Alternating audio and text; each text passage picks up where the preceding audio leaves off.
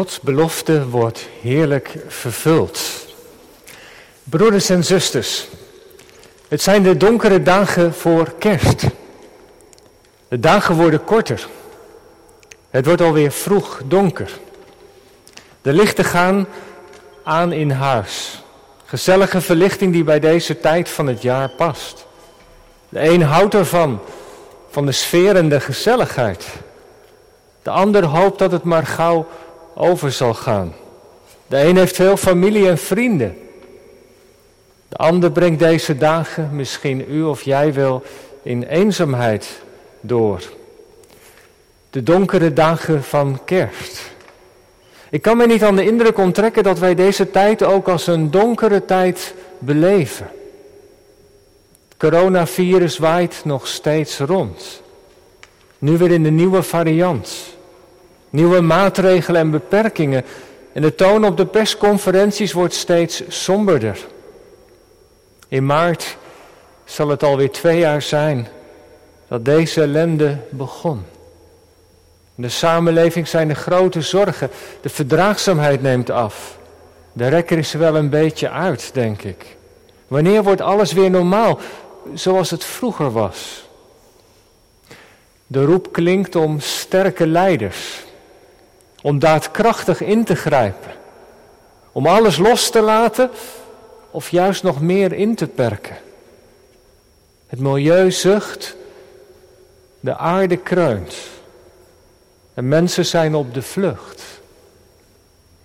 Het zijn de donkere dagen van Advent. Wat moeten we doen? Zeg het maar. Een stem klinkt, we moeten bidden. Nee, beter nog roepen. Ons verootmoedigen en hartstochtelijk roepen. En weet u, broeders en zusters, de profeten zijn ons daarin voorgegaan. Vele voor van hen hebben in donkere dagen geroepen tot God. Tot de levende God. Tot wie anders zouden wij heen gaan? Ik moet vanmiddag denken aan de roep van de profeet Jezaja. In hoofdstuk 64 roept hij dit. Och, dat u de hemel zou openscheuren, dat u zou neerdalen. Dat gebed, dat roepen is in één woord waar het met Advent om gaat. Het intense gebed om de komst van God. Het diepe verlangen dat God tevoorschijn komt en, en doorbreekt zijn licht in onze duisternis. En ik weet niet hoe dat bij u en jou is, maar wat kun je daar soms ook naar verlangen in je eigen leven? Als het zo donker is en de hemel van koper lijkt. Als je leven door een donker dal gaat, door alles wat er speelt. Dat God daar dan doorheen breekt. Dat hij in één keer die wolk van twijfel en zorgen wegschuift en tevoorschijn komt. Dat hij in je leven komt, in die situatie, dat hij in de wereld komt met zijn heil. Genezend en helend, vertroostend, vergevend. En wat kun je daar soms naar uitzien? Als je om je heen kijkt in je gezin of je familie. Als je denkt aan het lijden dat er dus op aarde is. Die oorlog die steeds maar weer doorgaat. De onderdrukking en geweld dat niet ophoudt. Heere God, maak daar alstublieft een eind aan. Kom alstublieft zelf. Och, dat u de hemel scheurt. En dat u zelf komt, bidt de profeet. Zou u of jij dat meebidden vanmiddag? Dat God de hemel openscheurt en zelf komt? Zou je dat durven bidden? Want er zit natuurlijk aan het komen van de Heere God ook nog een andere kant. Zijn wij klaar om God te ontmoeten? Zou je willen dat Hij je kamer binnenkomt en ziet wat je op de pc doet of op de tablet? Zou je naast je mogen zitten op je werk, tijdens de vergadering of te midden van je vrienden? Mag hij zien wat je op de kamer doet, op de slaapkamer? Het adventsgebed van de profeet Jesaja is een heel spannend gebed. Want de Heere God is de heilige God, voor wie zonde en onreinheid niet kunnen bestaan. Zijn wij er wel aan toe om God echt te ontmoeten? Zou ik willen dat Hij in mijn leven binnenkomt of de profeet en het volk bidden samen. Ze roepen tot God. Maar waarom zou God moeten luisteren? Waarom zou Hij moeten komen dan? Het is een donkere tijd in Israël. Het volk is in grote nood. De Assyriërs staan voor de deur en dreigen alles onder de voet te lopen. Velen in Israël hebben het geloof op een laag pitje staan. God, jawel, hij is een hulp bij ongelukken. Maar in het dagelijkse leven gaat ieder zijn eigen weg. Daar zit natuurlijk wel van de kant van de Heere God ook een diep verdriet. Onbeantwoorde liefde is zo geweldig pijnlijk. Net als die moeder van die geadopteerde zoon. Jarenlang heeft ze voor hem gezorgd. Ze heeft hem helemaal in haar hart gesloten. Ze zuiverde zichzelf weg voor hem. Alleenstaande moeder. Ze verpleegde hem toen hij ziek was. Ze heeft al het geld gespaard om op school te zetten. Heeft alles gedaan wat ze maar kon doen. En op een dag neemt hij de benen. Zijn jongen van 16 jaar ging hij met al haar kostbaarheden er vandoor. Dat was de beloning die hij haar voor haar liefde had gegeven. Hoe verdrietig ben je dan? Gods verdriet is zo intens en zo diep. Als zijn zorgen, zijn liefde onbeantwoord blijven, verkwanseld worden of niet op waarde geschat, dan trekt hij toch zijn handen van ons af. Dan trekt hij toch zijn handen af van zijn volk. Dan heeft het toch geen zin meer om te bidden of te roepen, o God, doe de hemel open en kom zelf. Nee, dat is niet waar. God trekt zijn handen niet van Israël af en ook niet van ons. Waarom niet? Het heeft zeker wel zin om te bidden en om te blijven roepen. Waarom? Vanwege de belofte die God heeft gegeven. Al in het eerste begin, de moederbelofte. Ik zal vijand zetten tussen u en de slang. Er zou iemand komen die de Satan zou verslaan. Dat er een profeet te midden van het volk zou opstaan. Die namens God zou spreken. Dat er een leidende knecht zou komen die de zonde van ons mensen zou dragen en verzoenen. Heel het eenparige getuigenis van de profeten is dat God naar zijn volk zal omzien. Hij komt als een herder om het thuis te brengen, zegt Jezaja. En dat is de belofte waar Zacharias in zijn lofzang op teruggrijpt. Komende zondag, vierde advent, zullen we bij die lofzang stilstaan. Maar daar zegt hij, daar profeteert Zacharias over God. De eed die hij aan onze vader Abraham heeft gezworen.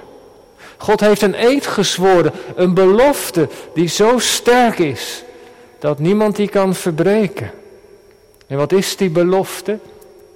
Dat wij, verlost uit de hand van onze vijanden, Hem zouden dienen zonder vrees. Kun je dat voorstellen? Hem dienen zonder vrees in heiligheid en gerechtigheid.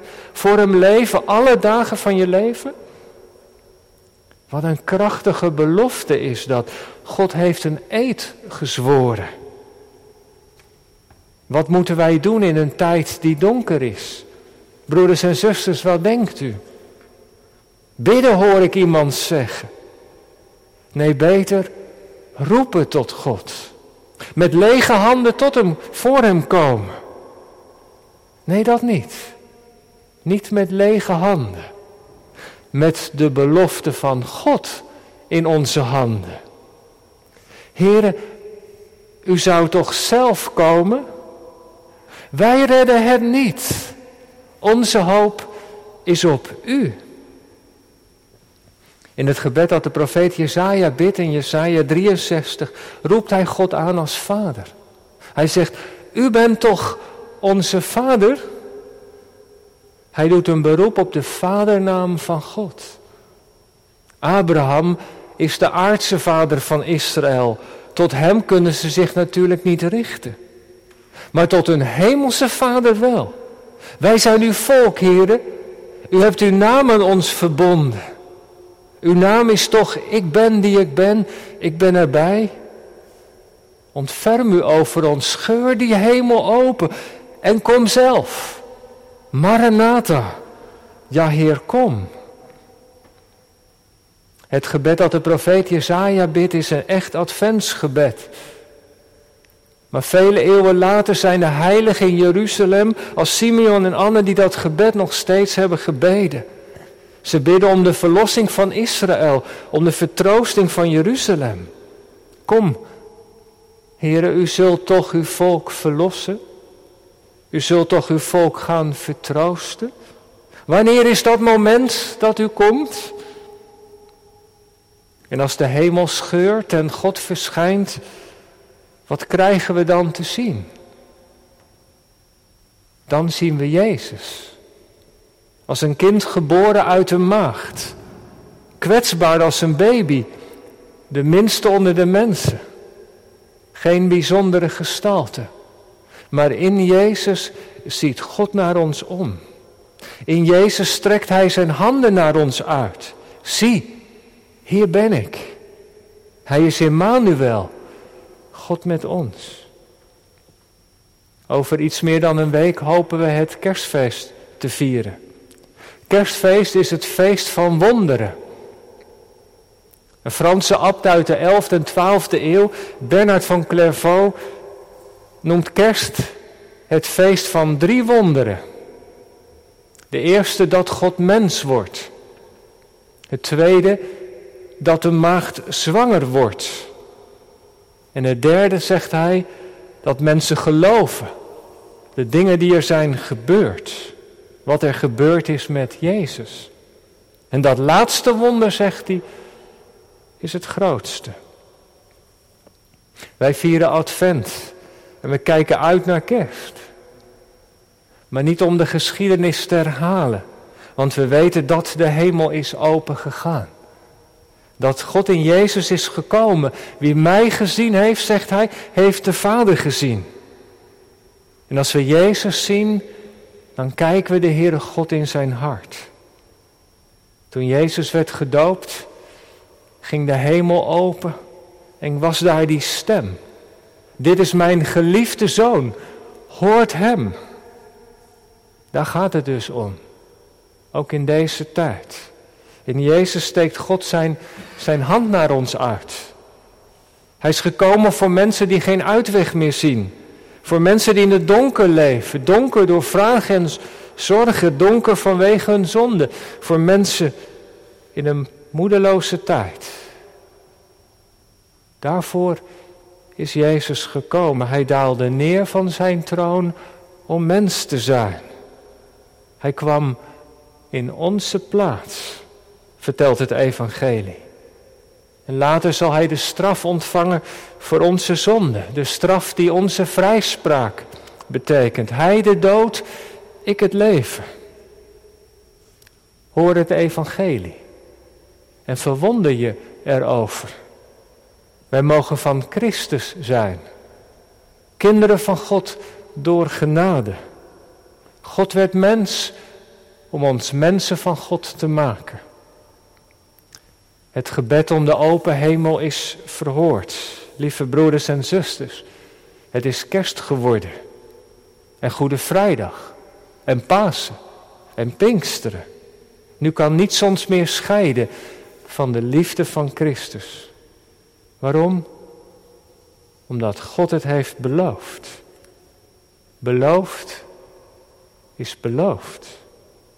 Kerst, het feest van drie wonderen dat God mens wordt, dat een maagd zwanger wordt en dat mensen het evangelie gaan geloven. Geloof de belofte van God. Dat is voor ons onmogelijk misschien. Maar zou voor, Gods iets, zou voor God iets te wonderlijk zijn?